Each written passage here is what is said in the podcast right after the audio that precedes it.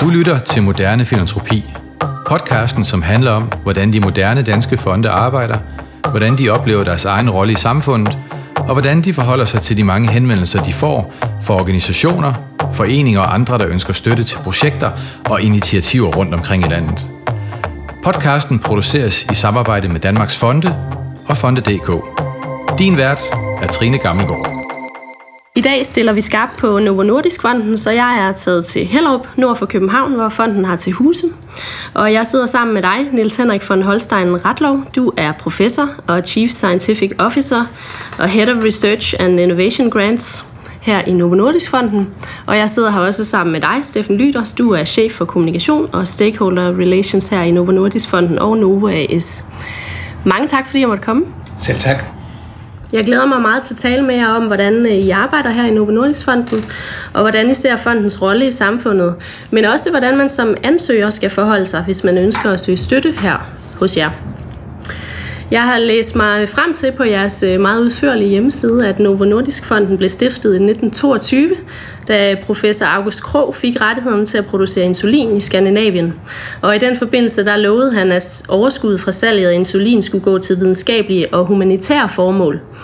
Og derfor startede han virksomheden som en fond. Og det her, det fortæller jeres øh, bestyrelsesformand Sten Skyby i en video på øh, fondens hjemmeside. Vil en af de herrer uddybe, hvordan fonden og Novo Nordisk-koncernen hænger sammen, øh, som det ser ud i dag?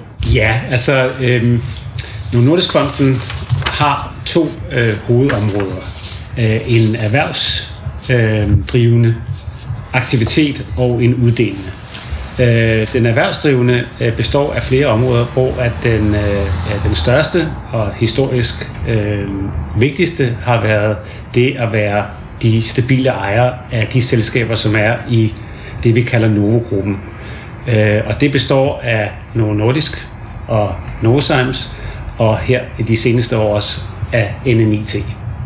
Ifølge vores øh, vedtægter, der er vi permanente ejere af Novo Nordisk og Novozymes. Det vil sige, at vi kan ikke reducere vores ejerskab af de virksomheder under et niveau, der sikrer, at vi er kontrollerende ejere. Så vi er sådan set permanente ejere af de selskaber. Det står i vores vedtægter. Så det er en øh, meget central opgave for os at sikre, at vi kan beholde ejerskab, og også øh, være med til at øh, øh, eventuelt, hvis der skal udvides aktiviteter i de selskaber, gå med som øh, medejer i de nye aktiviteter, som de selskaber øh, foretager. Øhm, øh, og, og det er sådan som øh, Novo-gruppen i dag er, er bygget op, at øh, vi har de aktiviteter, så herudover så investerer vi i en masse andre øh, virksomheder øh, på globalt niveau inden for life science. Vi er medejer af cirka 80 andre virksomheder, øh, primært i Europa og i USA, øh, som alle sammen er inden for life science. Endelig så har vi nogle øh, erhvervsinvesteringsaktiviteter, det vil sige, at vi investerer i finansielle papirer, øh, som er med til at sikre, at vi også får et afkast den vej igen.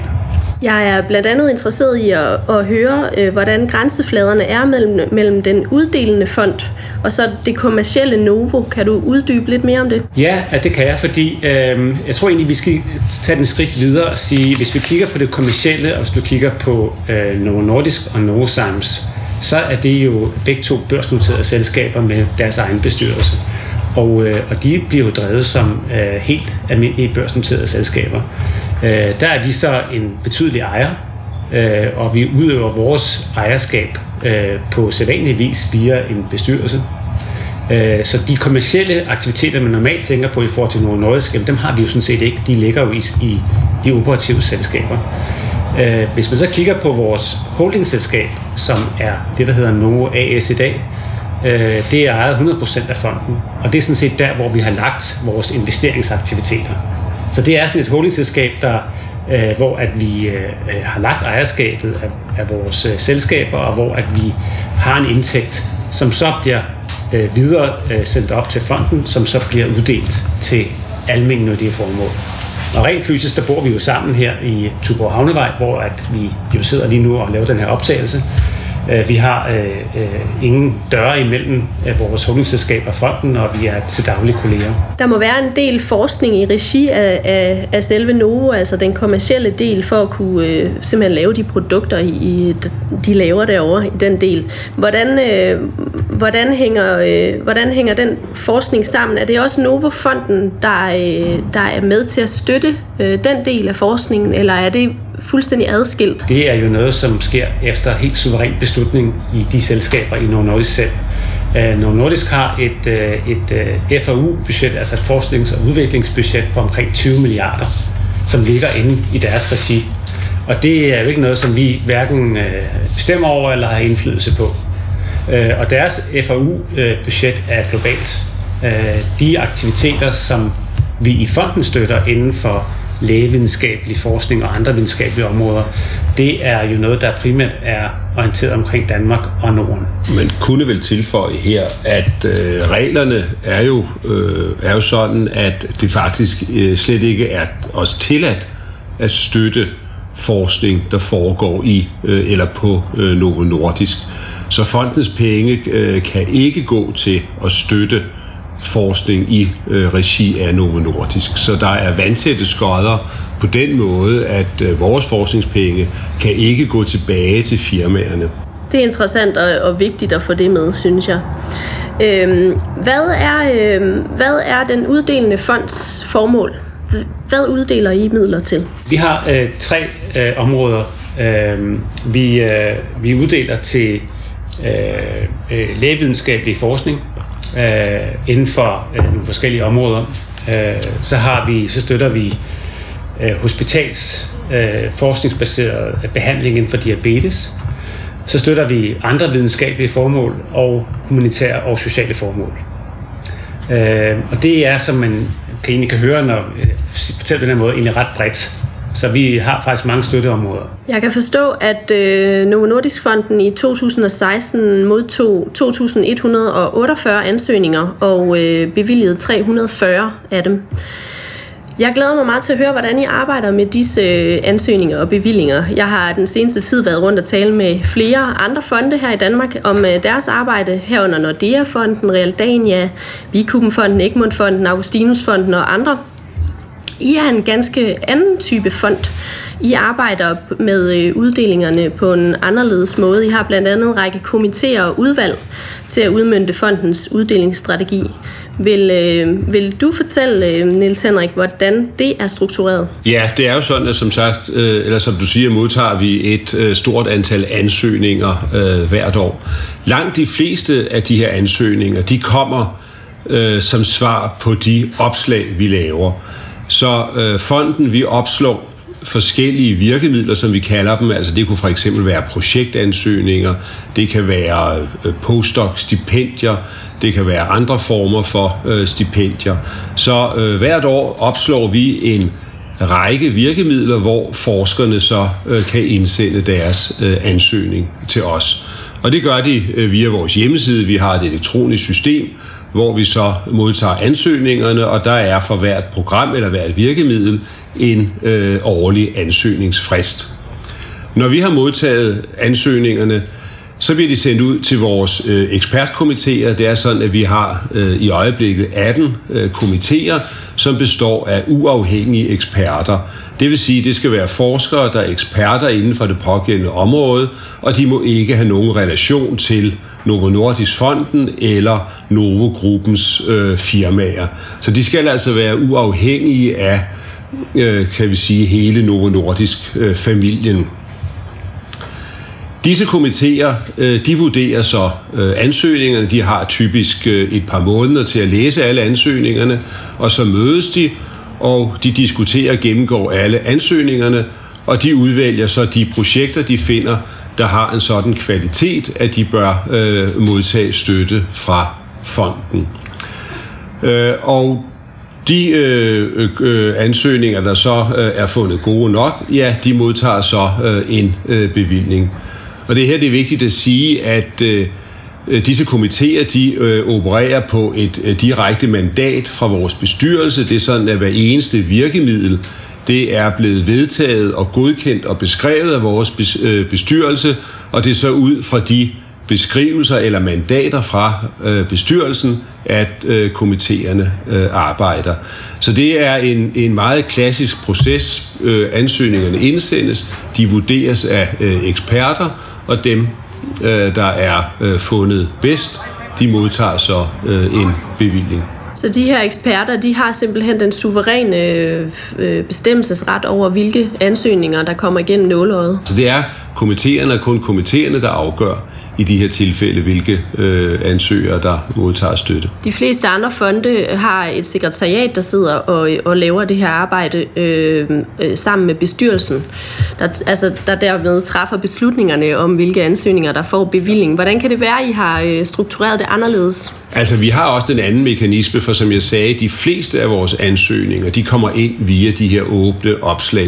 Men vi modtager jo også en række ansøgninger, uden om opslagene. Folk kan jo altid indsende en ansøgning til fonden, og der arbejder vi på helt samme måde som øh, det, du beskriver her. Der er øh, sekretariatet, der laver en forbehandling af øh, ansøgningerne og laver en indstilling til bestyrelsen, som så øh, tager den øh, endelige beslutning omkring, øh, hvorvidt en ansøgning skal have støtte øh, eller ej.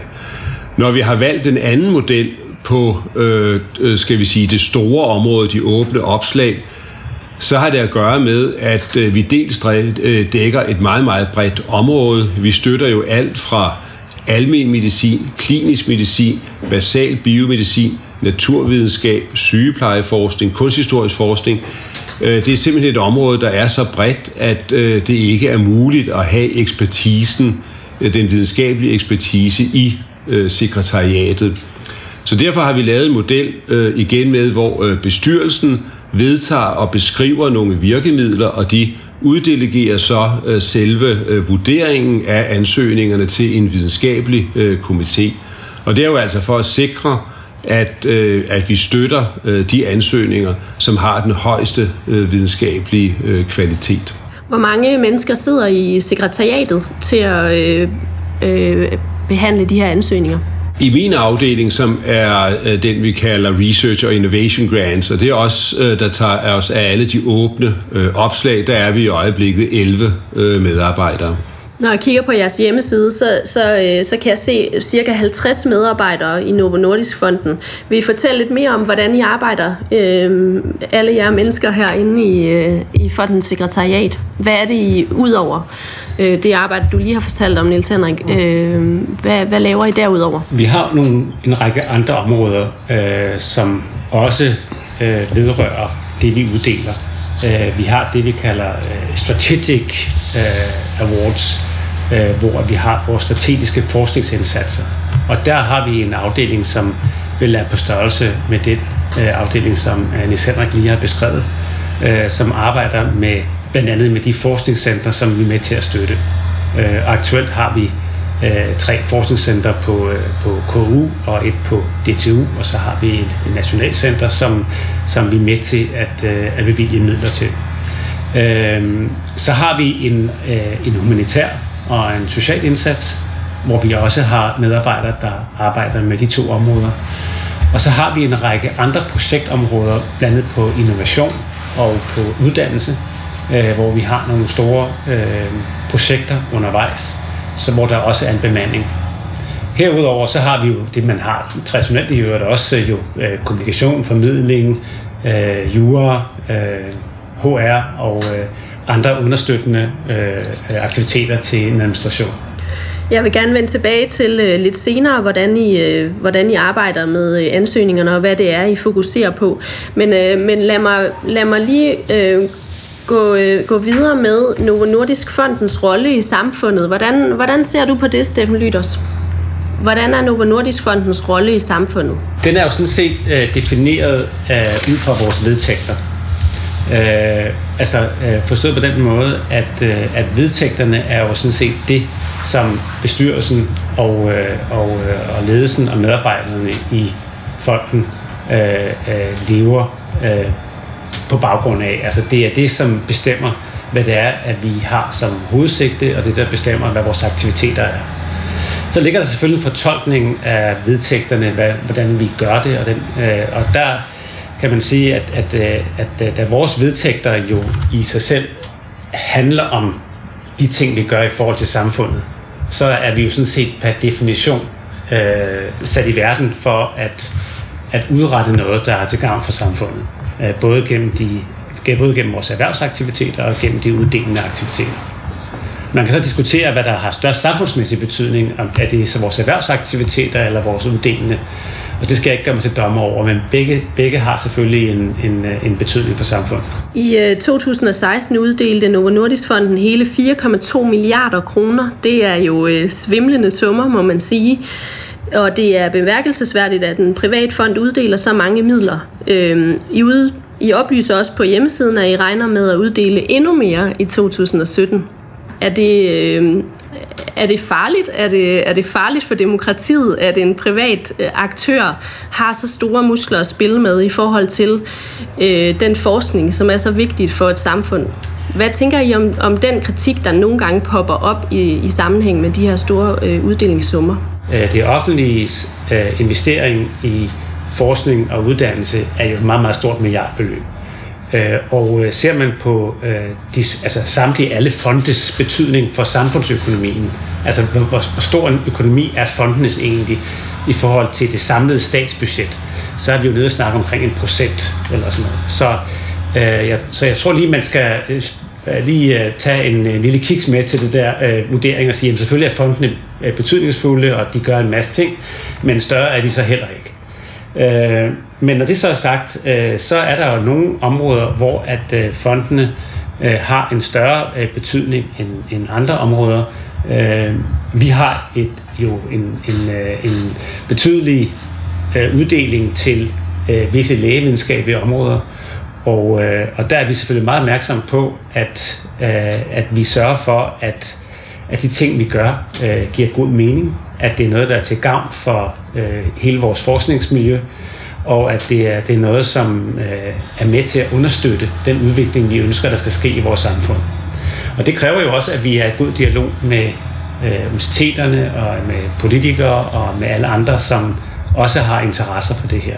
Og det bestræber vi os på at gøre. Er det også en af årsagerne til, at I har øh, øh, struktureret det her med øh, jeres komitéer, hvor I har eksperter siddende? Er det sådan en slags armslængde for ligesom at vise, at, øh, at, at det ikke er Novo, der sidder og beslutter alt det her. Det er simpelthen eksperter, øh, også fra universiteterne osv., som, som sidder og hjælper med at uddele midlerne. Jamen, det er jo ganske korrekt. Altså, det er jo netop udtryk for et, et armslægte øh, princip, at, øh, at vi vil have, at vores ansøgere eller ansøgninger bliver vurderet på deres øh, videnskabelige kvalitet, og øh, at øh, det skal være det vigtigste øh, kriterie for, hvorvidt noget det optås, øh, opnår støtte øh, eller ej. Så øh, det er ganske korrekt, at øh, det er et armslægtet princip, som vi på den måde har, øh, har sat ind i vores øh, proces. Men herudover så øh, nævnte det jo lige før, hvor mange forskellige øh, virkemidler, som vi kalder det, hvor mange mm. forskellige områder, vi støtter, at det er jo ret, ret meget, faktisk mange forskellige typer på forskellige niveauer, øh, vi støtter forskellige områder, og øh, det er jo med til at skabe også en balance. Det havde nok været nemmere for os, hvis vi havde sagt, at vi ønsker kun at støtte to eller tre områder. Det havde været mindre administration. Men det kunne have skabt en uhendsmæssig, altså en ubalance i systemet, og det er vi ret opmærksomme på, at øh, det, det skal vi hele tiden holde øje med, øh, hvad effekten er, også på længere sigt. Der pågår en kæmpe udvikling i disse år generelt i de danske fonde. Fondene professionaliserer sig, de arbejder mere strategisk, de kommunikerer meget mere til omverdenen. Hvordan øh, ser det ud hos Novo Nordisk Fonden? Har I også øh, været igennem en, en proces og er igennem en, en udviklingsproces? Ja, det har Novo Nordisk Fonden været igennem, ligesom en række af de andre større fonde i Danmark. Hvis man kigger på Novo Nordisk Fondens øh, udvikling bare lige de sidste 10 år, så vil man også se en fond, som har Øh, vokset øh, rigtig meget øh, takket være de økonomiske resultater, som der er blevet skabt blandt andet især på grund af udviklingen i Novo Nordisk. Øh, og det har gjort det muligt for øh, fonden at uddele meget mere, end man havde forestillet sig, at man kunne for 10 år siden. Og i takt med det, så er aktiviteterne steget øh, i fonden, og øh, også et behovet for at kommunikere endnu mere om, hvad vi gør. Øh, så i princippet kan man sige, går man ind på vores hjemmeside, øh, og, øh, og læser, vi har derinde, så burde man kunne øh, få alt at vide om, hvad det er, at vi støtter, øh, hvordan vi gør det, øh, hvad for nogle, hvem der har fået støtte, og hvordan vi har organiseret os. Øh, det er en ordentlig omgang faktisk, og det bliver ikke mindre øh, øh, i fremtiden. Øh, vi føler, at vi har et, en pligt til at være helt transparente omkring de ting, vi gør. Du er for nylig tiltrådt i en ny stilling som ansvarlig for kommunikation og stakeholder-relationer, Steffen. Er det et tegn på, at I kommer til at fokusere endnu mere på kommunikation end øh, tidligere? Øh, og, og, og, og hvad er det inden for stakeholder relations, øh, der ligesom øh, er fokus på med den her nye stilling? Ja, altså det er det et udtryk for. Det er det var en, en nyoprettet stilling, som jeg har tiltrådt, og vi har også opjusteret på, på kommunikationssiden og på, øh, på niveauet af dialog med vores omverden, og vi kommer til at øge det yderligere. Øh, vi mener, at der er et behov for det. Vi mener, det er vigtigt, at vi øh, kommunikerer øh, det, der er relevant og, og, øh, og aktivt, og vi også tager de diskussioner og, og lytter til, hvad andre har af synspunkter om de ting, som vi gør. Øh, vi er jo ikke en, en ø. Vi er en del af et samfund, og det er også sådan, vi ønsker at agere. Vil du fortælle lidt mere om denne her dialog med eksterne interessenter? Jeg forestiller mig, at du også er meget inde i den øh, rolle, eftersom du er chef for Stakeholder Relations. Hvad, hvordan arbejder I der? Ja, jeg kan, jeg kan jo give et konkret eksempel, fordi at, øh, at der er nogle af de ting, nogle af de projekter, vi arbejder med, som vi jo ikke Altså, vi går ikke ud i medierne med dem, når de er under udvikling, fordi at øh, i sidste ende, så, så skal alle bevillinger jo sådan set godkendes af vores bestyrelse. Så vi kan jo ikke sige, at noget er noget, før det er endelig besluttet. Men derfor ligger der en stor udviklingsopgave inden der. Og, for nylig der skrev medierne om et meget stort initiativ, som vi har i gang, som er inden for innovationsområdet, hvor at vi øh, gerne vil, øh, hvor vi har sagt, at vi gerne vil lave et tiltag, der er med til at sørge for, at meget den excellente forskning, vi har herhjemme, øh, inden for life science, inden for bioteknologi, kan udmønte sig i flere øh, nye øh, behandlingsmetoder, produkter og services, der kan øh, blive til virksomheder, der kan skabe ny værdi, der kan skabe værdi for, for, for mennesker og for samfund. Og der kan vi se, at i Danmark, der har vi, et, øh, vi har simpelthen en udfordring der. Altså, vi er simpelthen ikke dygtige nok til at få skabt nye virksomheder ud af den forskning, vi har hjemme. Og det vil vi gerne gøre noget ved. Og øh, der er vi i gang med at lave det, man kalder sådan en traditionel øh, øh, accelerator eller inkubator, hvor at de her, øh, øh, den her forskning kan udmyndte sig i noget, der kan blive virkelig gjort. Øh, og det er, øh, øh det er et initiativ, vi har arbejdet med længe. Vi har en gruppe på 6-7 mennesker, der ikke laver andet end at arbejde med det her. Og, øh, og den måde, vi går til værks på, det er, at vi, vi laver jo meget grundig research. Øh, vi laver international benchmarking, hvordan gør man det her andre steder i verden? Hvad lykkes man med, og hvad lykkes ikke? Hvem er herhjemme? Hvem laver noget tilsvarende? Hvem kunne være involveret i det? Hvem har mening om det? Vi snakker med dem alle.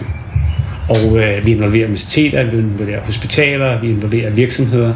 Så der er en, en øh, virkelig omfattende dialog med øh, praktisk taget alle dem, for hvem det kunne vedrøre.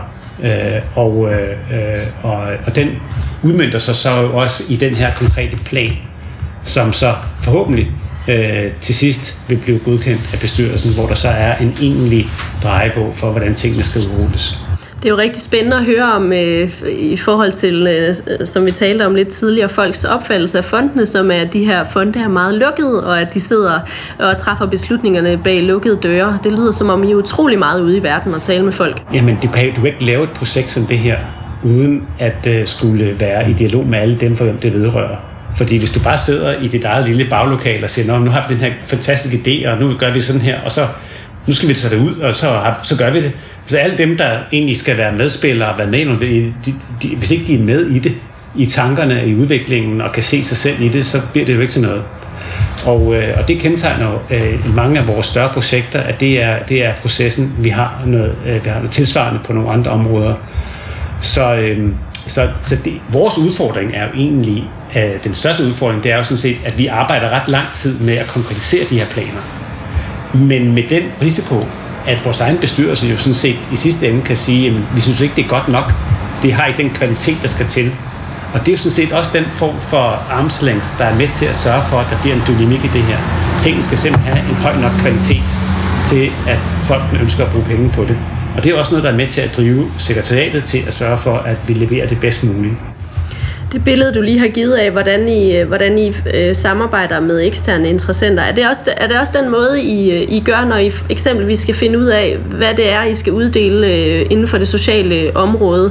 Altså, øh, går I ud og undersøger et felt, eller spørger eksperter, eller er I dialog med politikere osv. om, hvilke områder i samfundet er det, der behøver en ekstra salvandsindsprøjtning, øh, som vi kunne hjælpe med? Eller hvordan foregår det, når I skal finde ud af, hvor I skal sætte ind? Egentlig ja til de ting, som du øh, nævner, øh, og så mere til, fordi øh, du har også den del, der handler om en baggrundsanalyse af, hvor det er, der er brug for en indsats. For der er jo ikke nogen grund til, at, øh, at når Nordøstfonden øh, definerer en, et, et hovedområde for vores sociale uddelinger, som, som, hvor der ikke er et behov.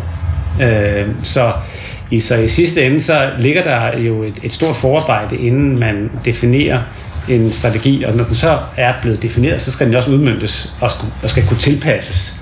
Og det sker jo så løbende jo ved, at øh, bestyrelsen jo vurderer de ansøgninger, eller de projekter, der kommer ind. Lever det her op til det, vi egentlig tænkte, eller lever det ikke? Der ligger, så selvom man har lavet strategien, så ligger der jo herefter jo også en, en løbende vurdering af, om de enkelte projekter så lever op til det. Og der skal også være plads til, at man kan have noget, der er skævt, noget, der er anderledes, og noget, der ikke lige ligger lige inden for pladen men som kan være visionært og kan være anderledes. Det skal man også ligesom have, have plads nok til. Du har en mangeårig baggrund som kommunikationsrådgiver og har betragtet fondene udefra og har også arbejdet øh, for fondene som rådgiver, ved jeg. Hvordan er det at træde ind i fondsmiljøet? Jamen, det er jo fantastisk. Øh, ting, der får lov til at øh, være med til at gøre så meget godt. Øh, det er jo sådan set det, der har været bevæggrunden for, at jeg er trådt over på den anden side fra at være rådgiver til at sidde og arbejde i en fond. Øh, og, øh, og man kan også sige, at, at fondene øh, har en, en særlig øh, opgave, øh, som jo er defineret på baggrund af deres, øh, deres øh, vedtægter, de tanker, der var, da fonden blev, øh, blev, blev dannet. Og, øh, og mange af de tanker, der har været, har været rigtig gode. Øh, og, øh, og Nordnordsfonden har haft nogle visionære folk helt tilbage i 20'erne, som har tænkt, at det her var noget, der skulle øh, være til gavn for mange flere. Og det er jo stadig det, der driver også i Nordfonden og i mange andre fonde i dag. Er der noget, der har overrasket dig ved at træde ind i fondsverdenen? Altså det, der overrasker mig allermest, det er, at min kalender er booket op sådan halvandet år frem i tiden. Øh, og øh, så det er, det er sådan nyt. Øh, det tror jeg, at rådgiver de øh, generelt vil med, hvis de går ind i, i corporate-siden. Øh, men ellers så vidste jeg udmærket godt, hvad det var, jeg gik ind til, fordi jeg kendte Nordfonden i forvejen, og øh, de kendte også øh, til mig. Så øh, ellers så er det ikke det store overraskelse, og faktisk så er er øh, det at arbejde i en fond er ikke så meget anderledes end så mange andre steder, i den forstand, at vi har en masse forskellige områder, som vi skal, vi skal løfte. Det er ikke et spor, det er rigtig mange spor, øh, og, øh, og det er mange forskellige mennesker, vi skal orientere os imod. Og det gør jo, at det er et fantastisk spændende sted at være. Hvordan vil du karakterisere det samlede fondslandskab i Danmark? Det er øh, et meget stort landskab, øh, og, øh, og det er også øh, nuanceret. Altså, øh, fonden er faktisk meget forskellige. Øh, altså, øh, de har forskellige baggrund, forskellige historier, forskellige uddelingsområder. Så hvis man prøver at tænke på fonden, jamen, det er sådan, der, der er sådan en fondsverden, men det er der ikke. Øh, der er mange forskellige typer fonde. Øh, så det er en, på den positive måde en meget broet forsamling. Er der noget, du vil sige, at de danske fonde er særlig gode til, eller noget, hvor de burde øh, opjustere lidt? Altså, øh, ja, så fondene har øh, i de sidste 4-5 år øh, opjusteret rigtig meget på deres øh, kommunikation og deres interaktion med deres omverden. Øh, øh, og hvis man skal gå de der fem år tilbage, så var de nok for usynlige, de var for passive. Det mener jeg ikke, man kan sige, at fondene er, er længere. Og, øh, og det er en udvikling, som øh, jeg mener, at især de største fonde, de største 100 fonde herhjemme, skal fortsætte med. Øh, at øh, at øh, det er en udvikling, vi skal fortsætte med at drive. Og øh, øh, fondene har rigtig mange muligheder for at sætte ind der, hvor at, øh, at der er muligt at skabe nogle rigtig gode resultater til gavn for vores samfund. Og, øh, og det gør de i dag. Og, det, og hvis man kigger på uddelingerne i 16 i forhold til 15, så har fondene aldrig uddelt så meget, altså, som de har gjort i 16. Altså vi taler om en næsten fordobling i uddelinger i 16 i forhold til 15, og det er jo en, en rigtig god udvikling for vores samfund. Og, øh, og så vidt jeg kan se på, øh, på, øh, på det, der sker, Så det er en udvikling, der kommer til at fortsætte. Møder du nogle myter eller fordomme om fonder, fonde, som, øh, som du ønsker at gendrive i det her interview og vores snak her? Jeg tror, at det er, jeg tror, det er svært at gendrive alle de myter og, og udbedre al den manglende viden, der er om fondene i sådan et interview som det her. Øh, altså, der er øh, hersker i den almindelige befolkning total forvirring øh, og øh, ukendskab til fonde. Altså, fonde er jo alt muligt. Øh, så jeg tror, at vi skal passe på med at overvurdere, hvad folk egentlig ved om fondene. Øh, også selv blandt øh, folk, man skulle tænke, der, der ved rigtig meget om det. Selv der, at der, der er, der er plads til øh, at øge kendskabet og øge kendskabsdybden til, til, hvad fondene laver. Og det er også et ansvar, som fondene skal være med til at løfte. Men hvis vi nu alligevel skulle tage fat i et par af de her fordomme, øh, hvad, hvad vil du så tage fat i som de vigtigste folk bør vide om fondene? Ja, men der, der er i hvert fald en rigtig, rigtig vigtig ting, som jeg, jeg godt kunne tænke mig at hamre et stort øh, søm i, og det er det der med, at, at fondene er skattebegunstiget. Det er de simpelthen ikke. Øh, det er en myte. Øh, hvis vi kigger i forhold til andre europæiske lande, så øh, har vi øh, mere øh, strammere øh, øh, rammebetingelser øh, i Danmark. Øh, altså alene øh, vores fond, øh, Novo Nordisk Fond, jamen vi er ikke skattebegunstiget. Øh, faktisk så er Novo Nordisk øh, Danmarks største øh, øh, skattebetaler øh, overhovedet af, af virksomhedsskat vi betaler masser af skat og afgifter i alle de ting, vi, øh, vi gør, og så ovenikøbet så uddeler vi pengene. Det er øh, i sidste ende til, til almindelige formål. Øhm, øh, så det der med at, at sige, at fondene har en øh, skattebegunstigelse, det passer simpelthen ikke. Øh, faktisk burde man forbedre øh, rammevilkårene for fondene øh, i forhold til det, som der er i dag. Og det er jo, øh, det er jo interessant, det du siger her, fordi der, der popper jo øh, med jævne mellemrum en øh, kritik op øh, vedrørende fondene netop i forhold til det her med skattebegunstigelsen, hvor der ligefrem er øh, nogen, der siger, at man burde øh, putte alle fondenes penge i en pulje, og så skulle man, øh, for at det var øh, demokratisk øh, korrekt, så skulle man lade politikerne om at netop nedsætte nogle komitéer og råd til at uddele fondenes midler, altså de her private fonde. Så øh, der har man jo virkelig en radikal holdning i forhold til det her med, at fonden er skattebegunstiget. Hvordan kan den her kritik blive ved med at poppe op, hvis det slet ikke er korrekt? Altså, det er ikke min opfattelse, at det er en kritik, som er særlig udpræget.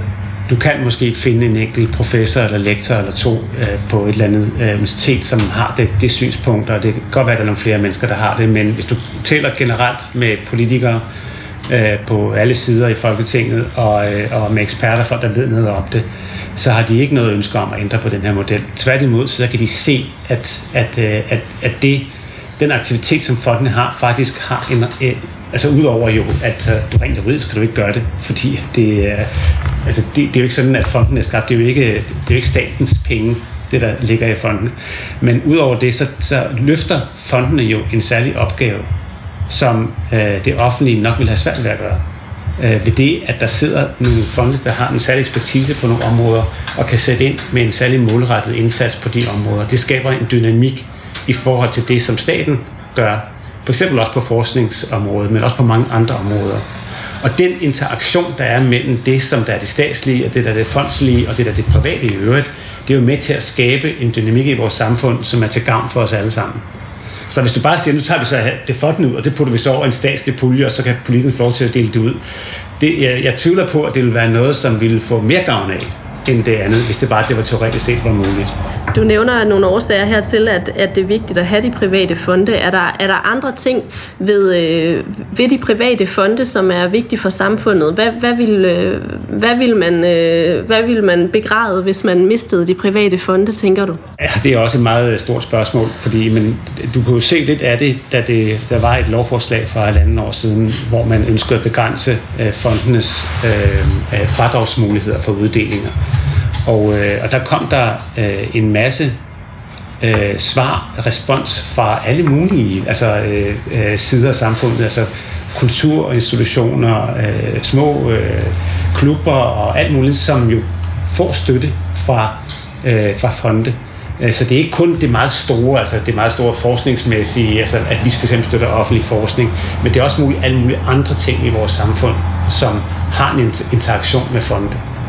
Og øh, så jeg, jeg tror, at i stedet for at øh, være bekymret over det der, så tror jeg heller, at man skal sige, at det er en fantastisk, øh, altså det er en glæde, at vi har den dynamik i vores samfund, at det er muligt øh, at, øh, at, øh, at få støtte til, til gode formål, som måske ikke lige ligger på en finanslov, men som faktisk kan være noget, der er til gang for, for, for folk. Lad os øh, dykke mere ned i, hvordan I, øh, I arbejder øh, herinde, når I modtager ansøgninger og øh, træffer de her bevillingsbeslutninger. Niels Henrik, vil du fortælle mig, øh, hvad kendetegner for jer et særligt støtteværdigt projekt? Jeg ved, det er et øh, bredt spørgsmål, fordi I uddeler så bredt, men kan du sige noget generelt om, hvad, øh, hvad skal der til for at komme igennem nåleåret hos jer? Hvis vi ser på, øh, hvad det er, der karakteriserer et, øh, et godt projekt, så er det først og fremmest, at øh, projektet det skal være nyskabende.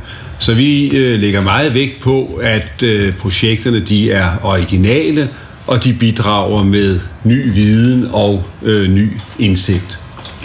Det andet kriterie det er selvfølgelig, at øh, projektet også skal være realistisk, forstået på den måde, at det skal være teknisk gennemførbart.